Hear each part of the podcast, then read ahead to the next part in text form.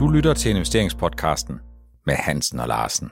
Stedet, hvor de private investorer uge efter uge bliver opdateret på investeringstendenser i øjenhøjde. Velkommen til afsnit 109 af investeringspodcasten med Hansen og Larsen. Et program, der centrerer sig omkring Kina. Vi skal ind på Mærsk, men vi skal først og fremmest snakke lidt om det bærmarked, som i starten af den her uge desværre øh, indhentede og fangede de amerikanske teknologiaktier, uanset om man kigger på Nasdaq 100 eller Nasdaq Composite. Og så kommer vi selvfølgelig ikke udenom, at selvom vi optager onsdag forud for onsdagens rentemedling øh, i aften fra den amerikanske Federal Reserve, jamen så kommer det til at være noget af det, der kommer til at sætte dagsordenen de kommende dage og de kommende uger. I sidste uge optog vi på Zoom fordi jeg havde nogle corona-udfordringer, og denne gang, ja, så har corona indhentet dig, Helge, men heldigvis, så er du med øh, på linjen. Er du der, Helge? Ja, det kan du tro, jeg er. Det kan godt være, at min stemme er lidt hæs, men øh, ellers er jeg fit for fight. Det lyder godt. Vi håber, du hurtigt og snart kommer tilbage igen, sådan så vi i næste uge kan mødes til afsnit 110 i de vante og fysiske omgivelser. Nasdaq 100 og Nasdaq Composite ramte bjørneterritoriet øh, i starten af den her uge. Det var nemlig det tidspunkt, hvor øh, aktierne i de to amerikanske indeks var faldet med mere end 21 procent siden toppen, der blev nået den 19. november 2021. Der er ingen tvivl om, at krigen i Rusland spiller en rolle. Men der er heller ingen tvivl om, at kombinationen er en relativt høj prisfastsættelse, en meget stor investorkoncentration og lave og faldende renter, der har skubbet aktierne op til det niveau, hvor de har været, jamen det er noget af det, der bliver reverseret nu, hvor investorerne ikke kun, eller slet ikke længere kigger efter yderligere rentefald, men må indstille sig på, at renterne de er på vej op, og det får jo en effekt på likviditeten, og det får en effekt på den pris, som investorerne er villige til at betale for en given indtjening i nogle selskaber. Så de stigende renter, de suger likviditeten ud af aktierne, og investorerne er altså også ramt af en meget stor nervøsitet. Det er vel ikke nogen meget stor overraskelse, Helge, at vi ser øh, et øh, tilbagefald i de amerikanske teknologiaktier, men størrelsen af de her udsving, det gør vel altid indtryk det gør meget indtryk, men det, det, det og størrelsen er, er, jo, er jo faktisk rigtig, rigtig stor, fordi at øh, der er en koncentration i darlings derovre. Ikke? Mm. Vi har snakket om det mange gange. Der er simpelthen nogle aktier, som, øh, hvor, hvor der bare har været momentum øh, i de senere år, og hvor man, man er stormet i dem. Altså Tesla er jo en af dem, men der har jo også været Apple og alle mulige andre. Og så er vi nu i situationer, men sjovt nok her, så så vi ikke sådan store fald øh, i, i teknologiaktierne i USA, da, da det bare var rentepolitik, eller rentepolitikken alene, der var dominerende. Det var altså, det, jeg gjorde det ikke bedre, der kom det her i Ukraine. Altså det vil sige, at man har en kombi af to ting. Det er en giftig cocktail, ikke? Ja. Så hvis man kigger på det, så øh, er det vel stadigvæk sådan, at øh, store selskaber som Microsoft, som Apple, de holder egentlig fanen højt. Det betyder ikke, at kurserne ikke er faldet, øh, men det er altså ikke der, vi har set de helt store kursfald. Det er heller, det er heller ikke sådan noget som Tesla. Ja, jeg ved godt, at Tesla er faldet med tæt på en tredjedel i forhold til de højeste niveauer, men i virkeligheden set i forhold til den utrolig flotte udvikling, som Tesla havde siden bunden i 2020 og hele vejen ind i 2021, og i princippet også lidt i starten af det her år, jamen så er det jo ikke de her selskaber, der trækker ned. Noget af det, der får investorerne til at gå i panik, vil jeg faktisk godt tillade mig at sige, jamen det er jo nogle af de andre øh, aktier. Øh, det er elbilsaktierne øh, Lucid, det er Xpeng, det er øh, NIO, så er det ikke mindst de selskaber, som er koncentreret i Cathy Woods' ARK Innovation, øh, hvor vi fra 2017 til 2000, øh, i slutningen af 2021 jo egentlig bare så, at aktiekurserne øh, havde det rigtig, rigtig godt og kørte op. Men siden dengang, siden toppen, jamen der er aktierne faldet med et sted mellem to tredjedel og 70 procent fra toppen. Så det vi ser, efter min mening, Helge, jamen det er simpelthen, at de stigende renter, de suger likviditeten ud for nogle af de store teknologiselskaber, som ligger lige under niveauet af de allerstørste? Ja, det er sådan, det er. Og, og, og du kan se, de begyndte jo sammen med de grønne aktier at falde på samme tid, da først da det begyndte at blive aktuelt med inflationen, den steg, steg ganske voldsomt. Og man var klar over, at nu skulle vi altså have gang i rentemaskinen, hvis centralbankerne skulle det. Så var det jo sådan noget som ARK Innovation og de grønne der, i USA, der faldt, ikke? Ja. Og øh, puha, ja, det, det, det var de påvirket af, og nu gør det det ikke bedre, at vi har en meget usikker øh, global situation på grund af krigen i, i Ukraine. Tror du, Helge, at den der likviditet, tror du, at den bliver omplaceret i markedet, sådan at forstå, at investorerne går ud af en type aktier, og så ind i nogle andre?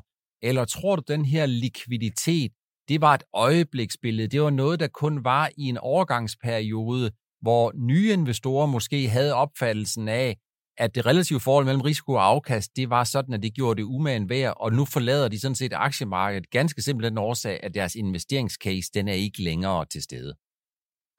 Per, det du er faktisk bedre til end jeg til at øh, svare på, fordi du må se med tallene ud fra Nordnet øh, på alt det her, hvordan tingene bevæger sig en sted for sådan en anden.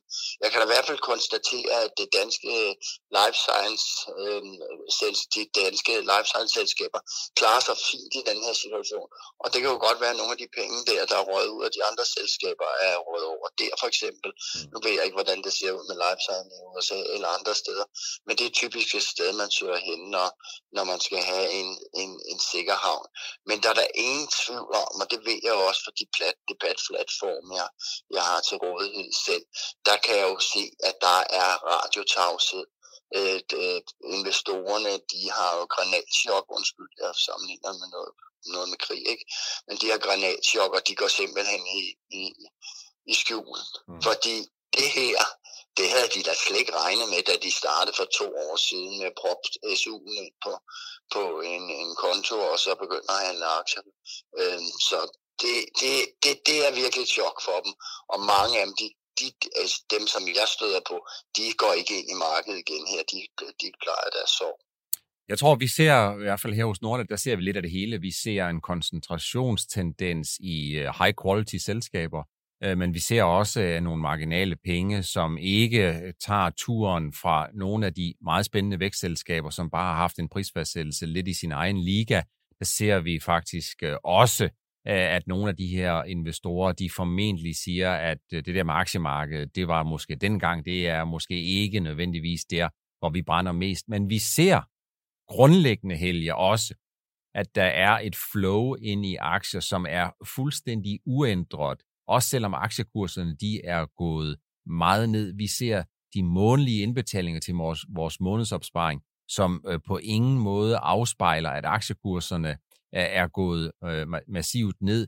Så vi ser egentlig sådan lidt øh, en effekt af det hele, og vi ser ikke mindst sådan en averaging down, hvor det er, at investorerne de forbliver i aktiemarkedet. For jeg tror, at langt de fleste de har fået budskabet om, at det at investere i aktier, det vil kun undtagelsesvis svare til at være med i en spurt, øh, men overvejende være et udtryk for, om man er der for, det, for the long term, altså om du deltager i et 10.000 meter løb i en halvmarathon, eller om du tager den store rute på 42,195 kilometer. Altså det svarer til det, vi har set utallige gange gennem måneden, når der kommer et bæremarked der, så er den, den kortsigtede investering lige pludselig blevet langsigtet. Ikke? Mm. Jeg var ikke, i gamle dage, da jeg var lidt yngre, så kan jeg huske, at der var i hvert fald nogen, der ofte brugte udtrykket, der hed, at for nogen, der kan en langsigtet øh, investering godt være en, der kortsigtet er gået lidt i den forkerte retning. Ja, det er rigtigt. Det, det, det udtryk har, har man hørt mange gange. Noget af det, som har lavet overskrifter i øh, den her uge, i de sidste to-tre uger, år til dato, og desværre faktisk det seneste år, jamen det har været det, som jeg kalder det totale aktiekollaps i Kina. Hvis man kigger øh, inden for det sidste år, jamen så er de kinesiske aktier, øh, de er faldet med mere end 40 procent, og her sidder jeg og kigger for eksempel på iShares MSCI China. Og jeg tror, at øh, der er rigtig mange, der er blevet meget overrasket over, hvor voldsom nedturen har været. Jeg er også selv blevet noget overrasket. Det er selskaber som Baidu, Tencent, Alibaba, øh, JD.com, som har oplevet, en, at de er stort set blevet savet over på midten, og nogle af dem er faktisk øh, har en reel risiko for, at de bliver savet over flere gange. Hvis man kigger på et selskab som Baidu, øh, øh eller undskyld, som Alibaba, så ligger Alibaba faktisk lavere, end den gjorde, dengang selskabet blev børsnoteret for mere end fem år siden. For mig at se, jamen så er der vel, Helge, simpelthen bare for mange faktorer bag ved øh, nedturen. Der er for mange gode grunde til, at der er nogen, der kortsigtet har haft ondt i maven. Der har været faldende indtjeningsforventninger. Der er krigen i Rusland. Der er kineserne, som ikke sådan for alvor melder klart øh, ud og tager afstand fra, hvad der sker i Rusland. Og det gør jo investorerne. De, de kigger efter potentielle sanktioner. Så er der USA versus Kina, som jo hele tiden er øh, op for debat. Så er der risikoen for, som der hele tiden kommer, når kurserne de falder meget, om selskaberne de bliver afnoteret i USA, og så videre, og så videre. Så opsummerende kan man jo egentlig bare sige, her er der, her er der ekstrem nervøsitet. Ja, det er der, og, og det her med den her krig i Rusland, hvor, hvor der for, foregår et eller andet spil med de to gode venner, eller bedste venner, altså Rusland og Kina, øh, det er vi jo meget, ser vi jo med stor bekymring for i det, det ser vi stor bekymring for i Vesten, fordi jamen det kan jo godt være, at øh, hvis Kina at de går ind og støtter Rusland i et, et omfang, altså på, simpelthen er, er ligeglade med de sanktioner, andre lande har lagt ned, eller resten af verdens samfund har lagt ned over Rusland, jamen øh, så kan det godt være, at man bliver nødt til at lave sanktioner mod Kina. Ja. Og, øh, og, og selvfølgelig er der en uro, når to, øh, to lande som Rusland og Kina sådan lige kører lidt parløb omkring nogle ting. Men man skal trods alt huske, at øh, Kina og Kina kan være enige med Rusland om, at USA er, og Vesten er fjenden øh, i et vist omfang, selvom kineserne er så, de er så kommersielle, og de ved jo godt, hvis de skal vækste 6 til 8-9 procent hvert år, jamen så skal der være gang i de vestlige markeder, fordi at øh, Kina er verdens fabrik. Så det, det er sådan en fantastisk balancegang. Ikke? Og øh, økonomisk, jamen så kan kineserne få noget ud af at få, få gas og olie til, til øh, lavere priser, altså, end de er vant til, øh, øh fra, fra Rusland. Øh, men så er der ikke så meget andet. Men det var vel ikke længe, Helge, før USA og Vesten de bliver de beder Kina om at tage stilling, og det er vel sådan set det værste, der kan ske for kineserne. Nemlig, de vil på den ene side gerne købe sig yderligere adgang til råvarer og ressourcer i Rusland ved at bakke op om nogle af de her selskaber, så de sikrer sig, at de har adgang til råvarer og ressourcer. På den anden side set, så kan de ikke lurepasse, og de kan ikke det hele. Så de kan ikke uh, ligesom sige, uha, vi er bange for det, der sker, samtidig med, at de omklamrer Putin og hans råstofbaserede økonomi, uden at de får amerikanerne og europæerne på nakken. Kan de det? Nej, altså det, det, altså det, vil jo, det skal så lige sige, de vil jo også godt have stål for Rusland, ikke? Mm. og de vil også godt have træ for Rusland. Øhm, så, så der er, det er sådan lidt bredere buket, ikke? og så vil de gerne have de her sjældne metaller. Det, det er jo meget fint, at de lige pludselig kan få en stor rabat, fordi Rusland har ikke andre steder at sælge det.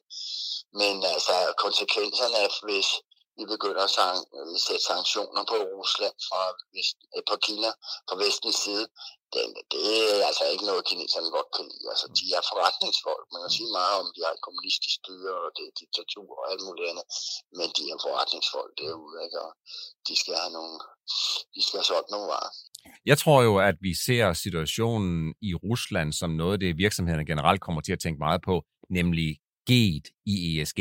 Og jeg tror, hvis vi kigger øh, lidt længere frem, jamen så tror jeg, at investorerne de nok skal minde virksomhederne om, at hvis de bliver i tvivl om, øh, hvad, der vil, hvad det vil koste at handle med de forkerte, og hvad det vil sige at handle med de forkerte, jamen så skal aktiemarkedet, de skal nok minde dem om, at den risikopræmie, der er ved at gøre forretninger med nogen, som ikke bekender sig til den form for demokrati, som vi tror meget på, jamen så kører den lige pludselig op, og virksomhederne de skal gøre deres stilling øh, op, og jeg tror, det bliver svært at undgå at komme til sådan for alvor at tage stilling. Jeg tror ikke i den her situation, at man kan lurepasse. Og jeg synes, det vi har set, de sidste 14 dage, tre uger, i forhold til, at Rusland har kørt Ukraine fuldstændig over, det er, at politikerne og virksomhederne overvejende, der er de meget enige, og de er meget beslutsomme.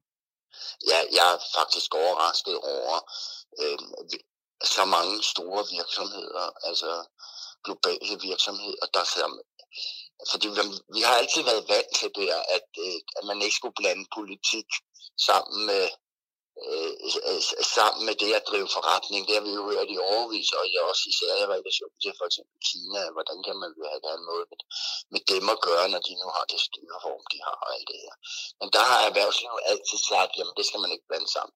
Men i det her tilfælde, der må jeg nok sige, jamen det er jo det er jo nogle af verdens største virksomheder, som bare har kortet til russerne. Mm. Vi skal videre og snakke lidt om øh, Federal Reserve, og husk nu på, at vi optager jo onsdag forud for udsendelse torsdag, her onsdag aften, der øh, kulminerer øh, martsmødet, det ordinære møde i den amerikanske centralbank Federal Reserve. Den kulminerer med renteannonceringen, og ikke mindst så kommer der en efterfølgende pressekonference, hvor Fed-formand Jerome Powell fortæller lidt om øh, forventningerne til de økonomiske størrelser, øh, formentlig centreret omkring centralbankens skøn på vækst og inflation og arbejdsløshed og andre ting, som de opdaterer på en gang imellem, og en gang imellem, det er så i dag.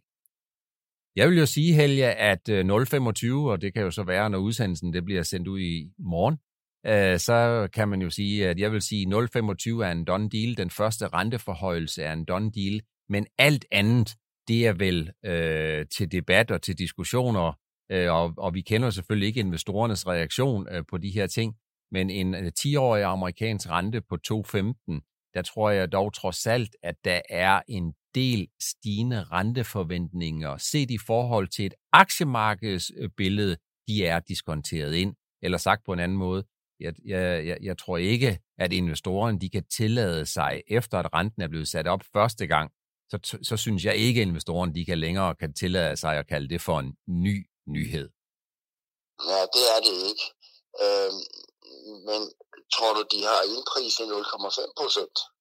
Ej, 0,5 det er jo lidt i den hårde ende, og 0,5 eller en, en dobbelt op, eller øh, dobbelt så meget, som man plejer at ændre renten med, både i op- og nedadgående retning, det giver altid indtryk.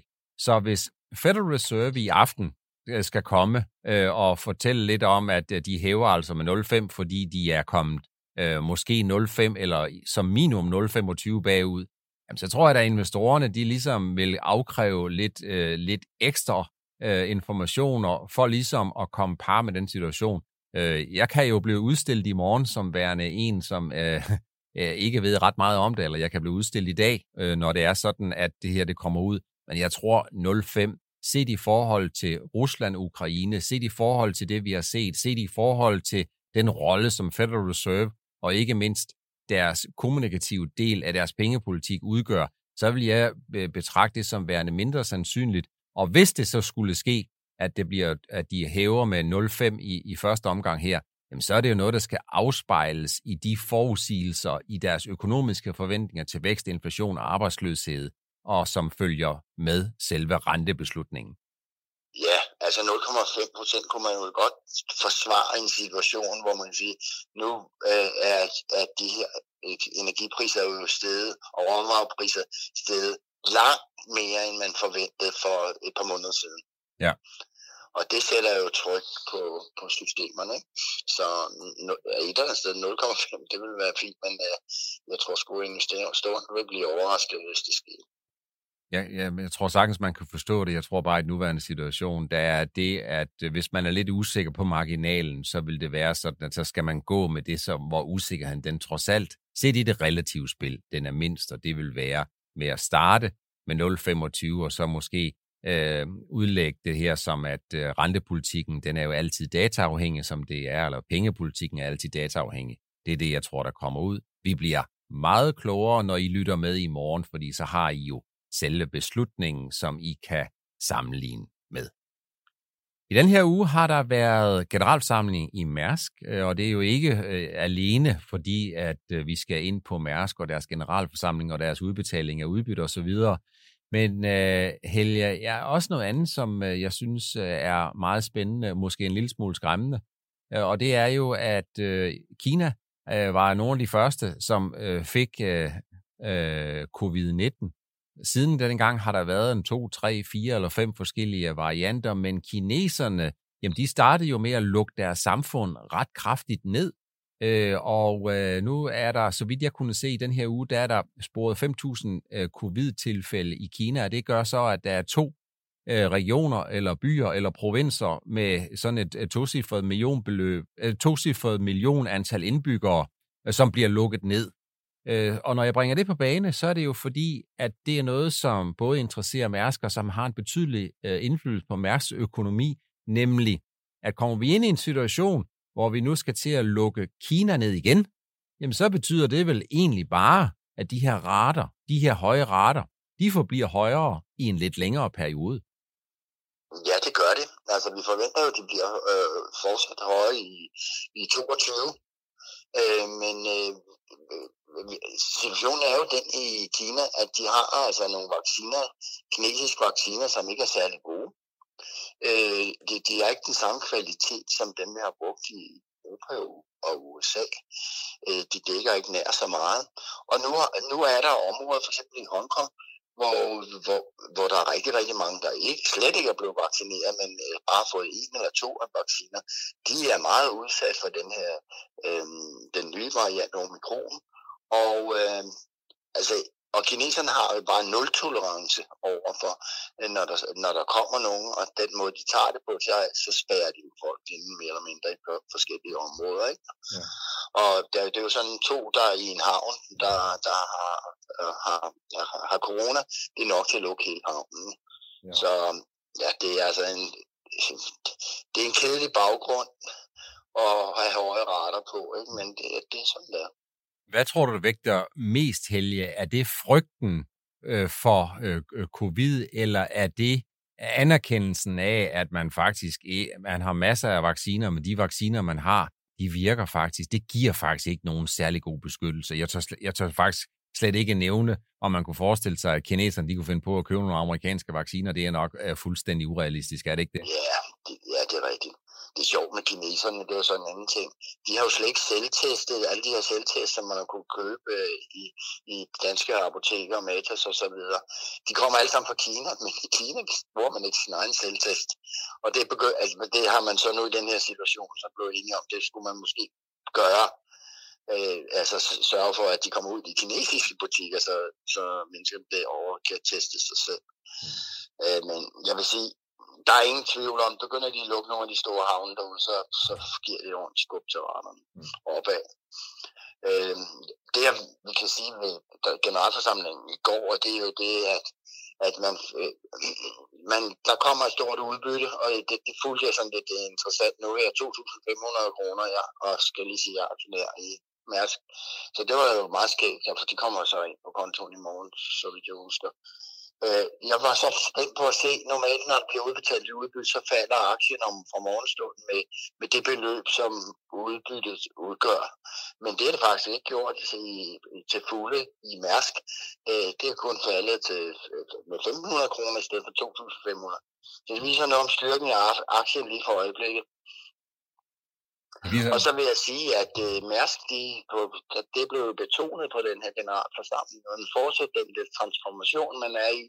Og man vil sige, det her med covid og havnelukning og alt det der, det vil kun forstærke den der tendens, at man vil have en, en transportør, der kan levere fra fabrik til forbruger eller øh, slutbruger øh, øh i bestemt virksomhed og så videre Altså hele den der værdikæde, at, at som Mærsk øh, gerne vil sætte sig på, ligesom DSV gør. Ikke? Ja.